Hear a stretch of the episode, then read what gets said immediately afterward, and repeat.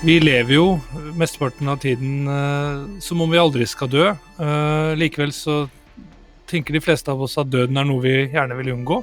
Han du hører her, heter Espen Gamlund og er professor i filosofi fra Universitetet i Bergen. Uh, og hva er det som gjør døden så negativ, og noe vi frykter? Sammen med sin arbeidskamerat, lege og filosof Carl Tollef Solberg, også han fra Universitetet i Bergen, forsøker de to å holde opp og kikke på, og kanskje også røske litt i døden. Religionen har jo hatt eh, nærmest eh, monopol på døden. Undersøkelsene og samtalene til Espen og Carl Tollef har blitt til boka 'Hva er døden?' Dette er en sekulær bok om døden, og prosjektet vårt er å tilby en sekulær forståelse av hva døden, ikke bare dødsprosessen som skjer innenfor livet, men selve døden skal være for noe. Og det er fortsatt i støpeskjeen. Jeg heter Helene Samuelsen og lager podkast for Universitetsforlaget. Og jeg har lyst til å starte denne samtalen i det Carl Tollef snakker om her. Hvorfor skille den religiøse og den sekulære døden? Altså, vi kan tenke oss at med døden så mener vi i hvert fall tre forskjellige ting. Og mye av det som er skrevet rundt døden, handler jo egentlig om noe som skjer innenfor livet. Prosessen, dødsprosessen. Det som leder til at noen mister livet sitt. Og så har vi dødsfallet. I Vesten tenker vi at det er et tidspunkt der noen mister livet sitt. Og så har vi det å være død, da, som vi ikke vet noe om. Og det prøver vi å være ydmyke på i boken også, altså om det er et etterliv eller ikke. Men vi har ønsket å skrive, skrive en bok som bygger seg ut ifra en antakelse om at det ikke er noe liv i en sånn tradisjonell forstand etter døden. Og hvordan skal vi tenke om døden da? Og den, Det tankesettet er fortsatt i støpeskjeen, og det var det eh, vi ønsket å ha et prosjekt om. Så det syns vi har vært et veldig meningsfullt uh, prosjekt. Hva er alternativet til de som ikke på en veldig overbevisende måte for seg selv tror at det finnes noe liv etter døden? Hvordan skal de menneskene tenke om det å miste livet sitt? Nei, altså det er klart at de som ikke tror på et etterliv i tradisjonell forstand, vil jo, mange av de vil kanskje uh, gå døden i møte med, med, frykt i større grad enn de som tror at det kommer et etterliv. Uh, vi fortsetter å eksistere. Så den, den, sekulære døden vil jo da være et forsøk på å uh, si noe om hvordan vi som ikke tror på et etterliv, skal leve og gå døden i møte. hva skal vi tenke om at livet en gang tar slutt. Eh, og tar alt slutt? Eller er det noe som fortsetter? Eh, og det har vi jo, måtte, som Karl Tollef sier, forsøkt å utforske i, i særlig kapittelet om, om, eh, om, det sekulære etterlivet. Da. Kanskje er det rett og slett slik at det er noe ved oss som fortsetter å eksistere selv om vi, kroppene våre og vi som personer er borte. Vi er vel mange som frykter døden. Er det litt sånn irrasjonelt, eller er det forståelig? Ja, Jeg kan ta utgangspunkt i meg selv. Altså, jeg og Kurt Hollef har nok kanskje litt forskjellig eh, relasjon til, eller litt, litt forskjellig forhold til døden på det punktet. Jeg har nok kjent på en sånn frykt for døden, eh, eller en angst for døden, så lenge jeg kan huske, eh, siden jeg var ganske liten og forsto at jeg skulle dø. Eh, og det er den følelsen som kommer når du tenker tanken helt ut, at det ikke er noe mer når du dør. Uh, og det er denne eksistensielle frykten, eller mm. eksistensielle terroren, som man snakker om gjerne i, i litteraturen. At det er ingenting mer noensinne. Alt er slutt, du kommer aldri tilbake. Og det er en veldig, jeg tror det er en veldig naturlig følelse som mange kan kjenne på. Uh, og så spør du er det en irrasjonell? På en måte er den jo det, fordi alternativet er jo at vi vil leve evig. Så jeg vet jo det at jeg kan jo ikke leve evig. Uh, I hvert fall er det ingen sannsynlighet for det nå. Så på et eller annet tidspunkt så må jeg slutte å eksistere og dø. Og når jeg dør, gitt at det ikke er noe etterliv, så er alt slutt for meg. Eh, det er vanskelig å komme unna at tanken, i hvert fall for meg så langt, også etter å ha jobbet akademisk med døden i mange år, så er det fortsatt en, en veldig ubehagelig følelse. Eh, og jeg ser ikke helt hvordan den skal gå bort. sannsynligvis, eller forhåpentligvis, så avtar den med årene, og når jeg nærmer meg alderdommen, så har jeg kanskje et helt annet perspektiv på det. Mm. Ja, jeg er helt enig med deg, Espen. Jeg tror vi har hatt båret med oss døden på en litt forskjellig måte. Jeg fikk jo også tidlig en dødsbevissthet um, som beskriver i boken, men, men, for meg så har den gitt seg utslag i det at jeg har vært veldig opptatt av at alt jeg gjør i livet, det skal være så meningsfullt som det jeg kan. Og, og, og jeg skal bruke tiden godt, og at tiden er den mest verdifulle ressursen som vi har. Så, så det har eh, inspirert meg til å, til å være veldig opptatt av hvordan jeg bruker eh, tiden min. Eh, men jeg, jeg, har nok ikke i samme grad som deg kjent på den eksistensielle angsten, men jeg har vært nysgjerrig på døden. altså Gjennom møte med pasienter, samtale mellom de når de står på livets rand. Den eksistensielle angsten som enkelte opplever. Jeg har likt å gå ved kirkegårder og minne meg på dører og bære med meg mitt eget memento mori. Men, men jeg, for meg har ikke døden vært kjentes vond på den måten. Men den har vært rett og slett en, for meg en inspirasjon til å, til å være øh, Forsøke å være veldig og, og, rett og slett bruke tiden så godt som jeg kan. På den måten som jeg tror er en god måte å bruke tiden min på. Mm. Og så tenker jeg også at uh, redselen, eller uh, bevisstheten om at vi skal dø, den kan vel også kanskje føre til at vi blir Eh, at alle valgene vi gjør, blir så avgjørende.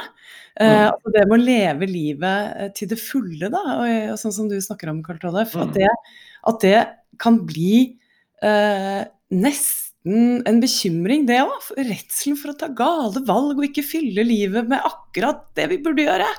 Mm. mm. Hvordan kjennes det? Ja. Ja, man kan jo bli selvfølgelig en livsnevrotiker i den forstand at man skal optimalisere hele tiden. og og Det tror jeg vi kjenner på som filosofer også, at vi, vi vet jo ikke hva Det er jo hva som er en optimal måte å leve et liv på. Altså Man kan søke mest mulig lykke og nytelse, eller kanskje det er mening vi skal gå etter. Skal vi bruke mest tid på relasjoner eller jobben vår? Um, skal vi bruke mest tid på å lese og reflektere, sånn som vi gjør nå? Det er ikke gitt. Og kanskje det er forskjellig fra individ til individ også. Så har en ydmykhet i forhold til det. Um, så klart, hvis den, den, ambisjonen går for langt, så kan det også bli slitsomt. At man rett og slett eh, glemmer å leve livet fordi man er så redd for at noe som helst av tid skal gå tapt. Samtidig så har jeg veldig tro på at memento mori, dette husk at du skal dø, i en riktig dose, i en mm. passelig dose, kan være veldig verdifullt for de fleste av oss. Og jeg tror at uh, under den pandemien vi befinner oss i mens vi tar denne podkasten, uh, eh, at den for en del mennesker uh, kan ha gitt en, en, liten dose av memento mori, som, som, kanskje kan gjøre at de,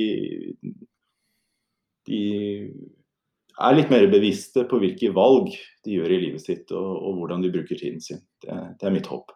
Og det er samme med denne boken. Vi mm. ønsker ikke å sette noen mennesker ut i den eksistensielle angsten. Det, det gjør vi virkelig ikke, men vi ønsker å gi dem et uh, lite eksistensielt støkk som gjør at de kan gjøre gode valg i livet sitt. Jeg, ja, jeg er jo kommet dit i livet at jeg har uh, statistisk sett uh, færre år foran meg enn bak meg. og det er jo også en sånn tanke som jeg hadde når jeg rundet, rundet den, den alderen, at nå har jeg faktisk eh, Ja, ikke at jeg ikke har så lenge igjen, men, eh, men man, blir, du skjerper litt bevisstheten, som du er inne på, Helene. Med, med, hvordan er det jeg egentlig ønsker å prioritere livet mitt herfra ut? Hva er det? Og det er så fryktelig mye man har lyst til å gjøre. Mm. Og man vet det at det kommer jeg antageligvis ikke til å få gjort. Dit kommer jeg antageligvis ikke til å få reist. Og så smaler det inn, da, denne, denne gangen for hva du egentlig øh, sannsynligvis får gjort i, i resterende delen av livet.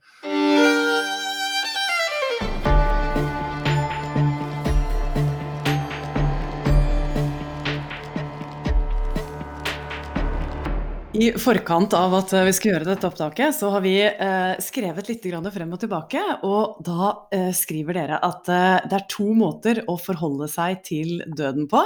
For det første så er det tall og statistikk, og så er det det som vi snakket om i stad, eh, vår egen memento mori. Hva er det som skiller disse måtene å forholde seg til døden på?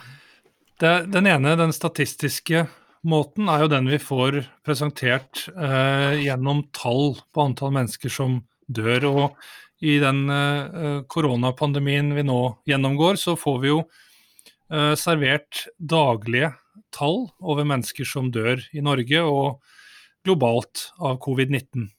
Så da blir det et voldsomt fokus på, på dødstall. Eh, men det er veldig sånn abstrakt og fjernt, og det er ikke noe vi kan forholde oss til, og som vi relaterer til vår egen dør. Så vi, vi gjør et regnskap, og vi sammenligner mellom land, og noen land har flere, flere dødsfall enn andre osv.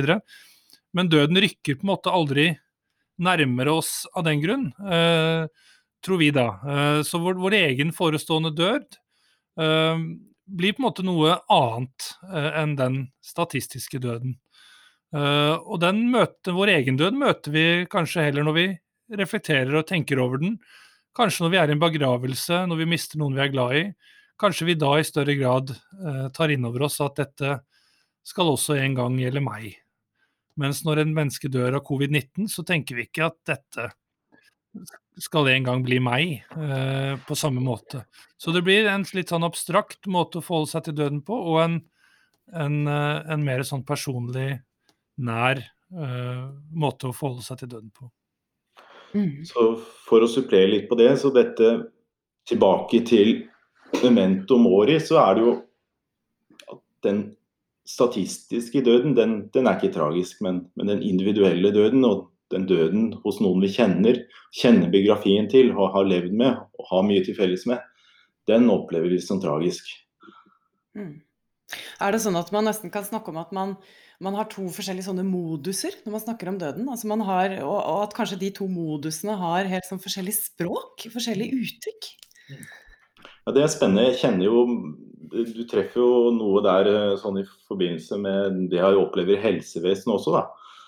Mm. Så, så, for å betegne disse modusene, så, så har, vi, har, vi, et ulikt språk. I helsevesenet så snakker man jo ofte ikke om at pasienten er døende eller at pasienten døde, men at pasienten er terminal, f.eks. Så er livet er ved sitt endepunkt. da. Eh, det gjør det Det gir et sånt nyss av objektivitet i forhold til døden. Um, og, og, fratar døden hva skal man si, det skjellsettende eksistensielle. Da. Men det ligger jo under der hele tiden allikevel. Og det vet jo folk som jobber i helsevesenet også. Men jeg tror vi trenger, altså hvis man jobber veldig tett med døden, å hverdagsliggjøre den. da, Og forsøke å trivialisere den.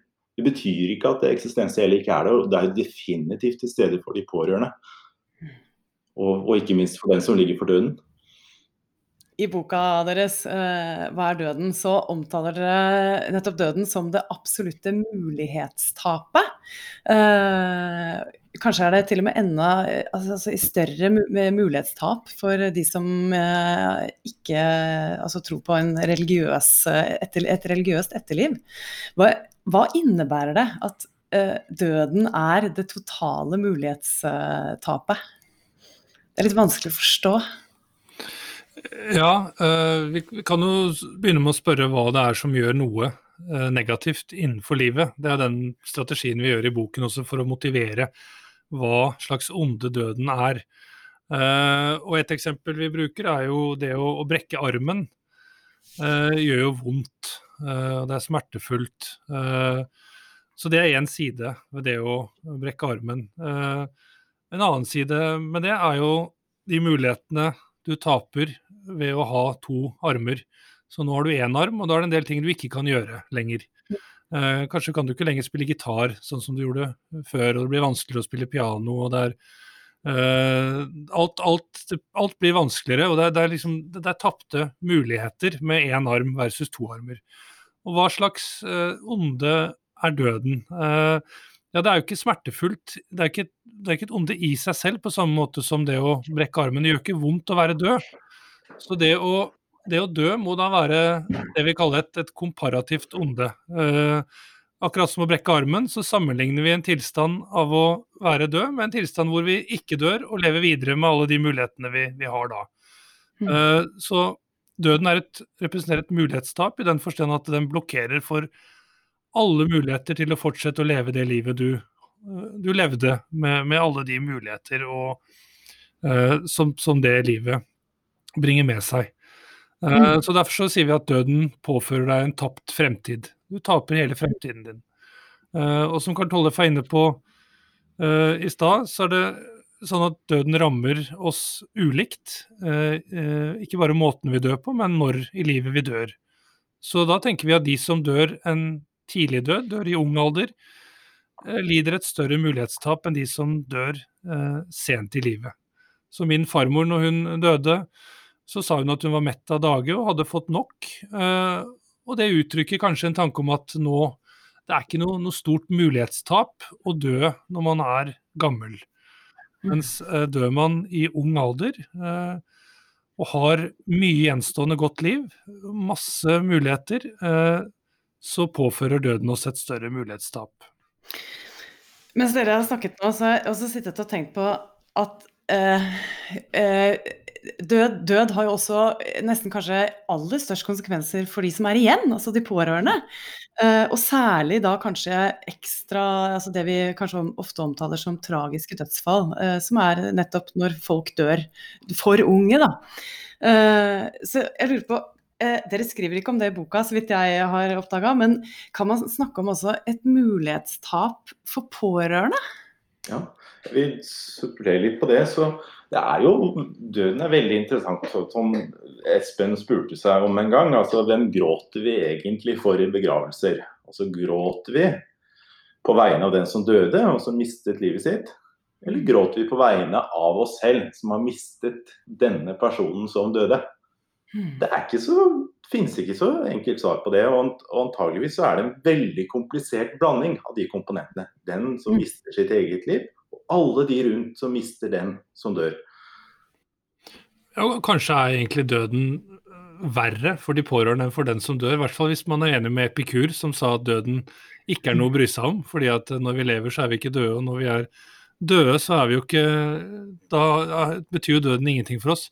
Så på en måte, hvis man følger han, så vil jo døden være verre for de som, som er pårørende, som står igjen med sorgen og savnet og fortvilelsen mm. og, og, alle de tapte mulighetene som, som, den avdøde representerte. Alle de tingene man ikke kan gjøre sammen lenger osv. Og, og det mulighetstapet selvfølgelig er større hvis personen døde i ung alder og det er veldig mye mm. gjenstående levetid sammen. I boka så eh, omtaler dere eh, Sikel Emanuel, som er lege og professor og eh, arkitekt bak Obamacare i USA. Um, og Grunnen til at dere nevner ham, er fordi at han publiserte en eh, kronikk i avis uh, som heter, eller som fikk overskrifta 'Why I Hope to Die at 75'. Hva er hovedpoenget hans uh, der? Altså, hovedpoenget, slik som jeg oppfatter han, Vi kjenner han litt òg, så vi, får, vi, skal ikke bemerke han altfor kritisk. Men hovedpoenget hans er nok at det finnes mye overbehandling i det amerikanske helsevesenet. Og han er en sentral person i det amerikanske helsevesenet som mange lytter til. Eh, og da skrev han den kronikken for å poengtere at vi kan ikke forsøke å overleve for enhver pris hele tiden. Det har en kostnad. Ja, og så er vel hans poeng da at når han så bruker han tallet 75 som et eksempel på at da har han levd det han kaller et komplett liv. Fått, fått mulighetene som livet har å by på, blitt pappa og kanskje bestefar. og og, da forestiller han seg at da er det ikke noe særlig mer han øh, har lyst til å gjøre. Det er ikke det at han vil ta livet sitt eller ønsker at noen skal ta livet hans, men han vil si nei til øh, til øh, livsforlengende behandling og en del ting som koster masse penger, og som han tenker at kan brukes på andre som trenger det mer. Uh, og dette er en posisjon han fortsatt holder uh, noen år etter at den artikkelen ble skrevet, så han har ikke forandret mening om det. Så det uttrykker vel kanskje at uh, det, det, er et metningspunkt. Det er sånn jeg forstår han. Det er et, I tillegg til det helseprioriteringsdimensjonen, så er det en, en tanke om at livet når et metningspunkt på et tidspunkt, hvor kanskje mer igjen mer liv blir en repetisjon av det, mer av det samme, da, på en måte. Og at det ikke Mm. nødvendigvis er verdt å ønske seg. Så det reiser et spørsmål om hvor lenge er det egentlig vi ønsker å leve. Ja, og da er det jo en Det ligger veldig nært opp mot tanken om at døden kan være positiv også. Ja, så Hvis vi tenker at døden setter en begrensning på livet vårt, det er det absolutte mulighetstap som vi har snakket om. Det setter livet vårt i relieff og setter en ramme rundt livet vårt. Da må vi gjøre tiden til det mest verdifulle vi har. Det er en begrenset ressurs som vi må forvalte med omhu. Vi må ta vare på oss selv, vi må ta vare på helsen vår. Vi må være bevisste på hvilke mennesker vi har kontakt med, hvilke relasjoner vi pleier. Om vi gjør meningsfulle ting eller ikke. Eh, hvem vi velger å dele livet med, altså som partner. Hvor, hvilke jobber vi skal ha. Disse, alle disse valgene er helt uh, utrolig viktige for oss. og Det er nettopp fordi livet er en begrenset ressurs. Men det er klart, hadde vi hatt et veldig langt liv, så hadde jo disse valgene kanskje ikke vært så viktige. da. Og nå er de det. Det er en del av vår identitet. Og når vi når metningspunktet, så, så tenker vi at det kanskje er bedre om vi ikke fortsetter å leve og at døden da kan representere noe positivt. Og Det er i tråd med den teorien om døden vi presenterer i boka, at stort sett så er døden negativ fordi den påfører oss et mulighetstap.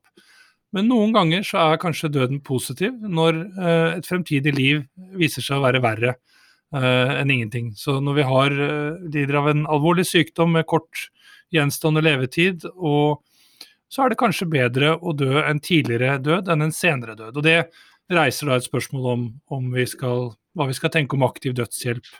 Uh, og Det har vi et kapittel om i, i, boken hvor vi problematiserer forholdet mellom passiv og aktiv dødshjelp. Uh, og diskuterer uh, om det kanskje er noen grunner til at aktiv dødshjelp er ønskelig. Mm. Dere skriver jo utrolig fint, syns jeg, og interessant om, om, det med aktiv dødshjelp. Og, og gjør at i hvert fall jeg sitter igjen med en del sånne andre tanker og, og sånn, etter å ha lest, lest, det dere skriver i, i boka. og det fikk meg også til å tenke på at på mange måter så er vi, vi er forplikta, vi er liksom programmert til å elske livet og til å liksom frykte døden. Um, uh, og så er det nesten sånn at det er vanskelig å målbære noe annet. Hva tenker dere om det? Vi har jo selvoppholdelsesdriften i oss da, som, som, levende vesener. Og det gjør jo at vi er jo i en forstand preprogrammert til å ønske å overleve, selv under de verste omstendigheter. Mm. Og Samtidig så er vi utstyrt med en bevissthet og en selvbevissthet og en rasjonalitet som gjør at vi kan ha sånne diskusjoner som det vi har nå, og reflektere over vår fremtidig forestående død. Og Gjøre det vi anslår er fornuftige betraktninger om det. Det er klart Mye av det vi anser som fornuftig, handler jo nettopp om viljen til å overleve. Om å være sunn, om å gjøre valg som gjør at vi ikke forkorter livene våre. Da. Så det ligger nok veldig fjernt for oss, det der å planlegge for en god død, eller kanskje i ekstreme tilfeller planlegge for en litt tidligere død. Mm. Som, som faktisk eh, aktiv dødshjelp vil innebære, da. Ja, jeg tror det er, det, er, det er, helt riktig, jeg er helt enig i det. og det, En ting er å ha en sånn teori, filosofisk teori om døden som kan begrunne at den noen mm. gang kan være positiv, som vi har i mm. boken. Men det er klart en annen ting er å Men også så det, ta inn over seg at det er mennesker som gir uttrykk for at de ønsker å dø. At vi må jo skal vi feste lit til det de sier, eller skal vi tro at de tar feil? Det blir veldig paternalistisk å tenke at de mm. på ingen måte vet hva som er godt for dem selv. Den, den, så den paternalistiske tanken må vi på en måte legge bort. Samtidig er det et eller annet grufullt med det at personen gir uttrykk for at han eller hun ønsker å dø, som du sier. Mm. Og særlig når den personen du kjenner som sier at nå ønsker jeg ikke å leve mer. Hva? Hvordan kan du mene det? Tenk på, du har jo oss. Vi er glad i deg, du er glad i oss. Du kan jo ha fortsatt uh, noen gode dager og uker og måneder osv. Men, men samtidig da bare ha respekt for at uh, de er på et annet sted i livet og opplever sitt eget liv fra innsiden. Vi ser det fra utsiden.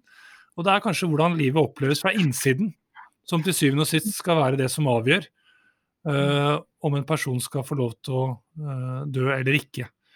Men det er klart, i forlengelsen av dette så reiser det en veldig mange vanskelige spørsmål om hvordan vi skal legalisere aktiv dødshjelp, hvordan loven skal se ut. Og, og, det er masse fallgruver her som vi også diskuterer i boken. Men, men, som et utgangspunkt så bør vi i hvert fall være litt nysgjerrige og åpne for at det er mennesker som faktisk ser annerledes på sin egen død enn det samfunnet som helhet eh, tradisjonelt har gjort, og som flertallet gjør. I boka deres 'Hva er døden?' så skriver dere også bl.a. Uh, veldig interessant om det digitale dødsboet. Uh, fordi vi alle deltar i det digitale rom, så, som jo ikke legger ned uh, når, når, man dør. Løfter interessante perspektiver fram knyttet til det. Dere har et kapittel om dødsritualer, både i Eh, faser i død, men også historisk og innenfor ulike kulturer. Og så er dere så vidt innom dødsstraff, eh, som kanskje mer en straff for de etterlatte, for å nevne noe.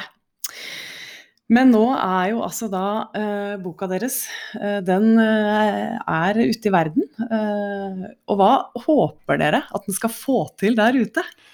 Nei, jeg tror egentlig vi håper at den skal få folk til å tenke nye tanker om døden. Rett og slett våge å tenke på døden, ta den innover seg. Og se hva, hva en sånn refleksjonsprosess gjør med ens egne tanker og forestillinger om døden. Så kanskje man blir litt klokere på, på seg selv og på døden. Så håper vi at den skal gi leseren et lite eksistensielt støkk som gjør at man kan være med på å finne sin egen balanse mellom sitt memento mori, altså viten om at man skal dø, og samtidig gjøre gode, meningsfulle prioriteringer i livet, men uten å falle ut i den lammende eksistensielle angsten. det er et ambisiøst prosjekt, men vi håper i hvert fall at den er nok verken kald eller varm, denne boken, men vi håper at den er fortrøstningsfull. Ja.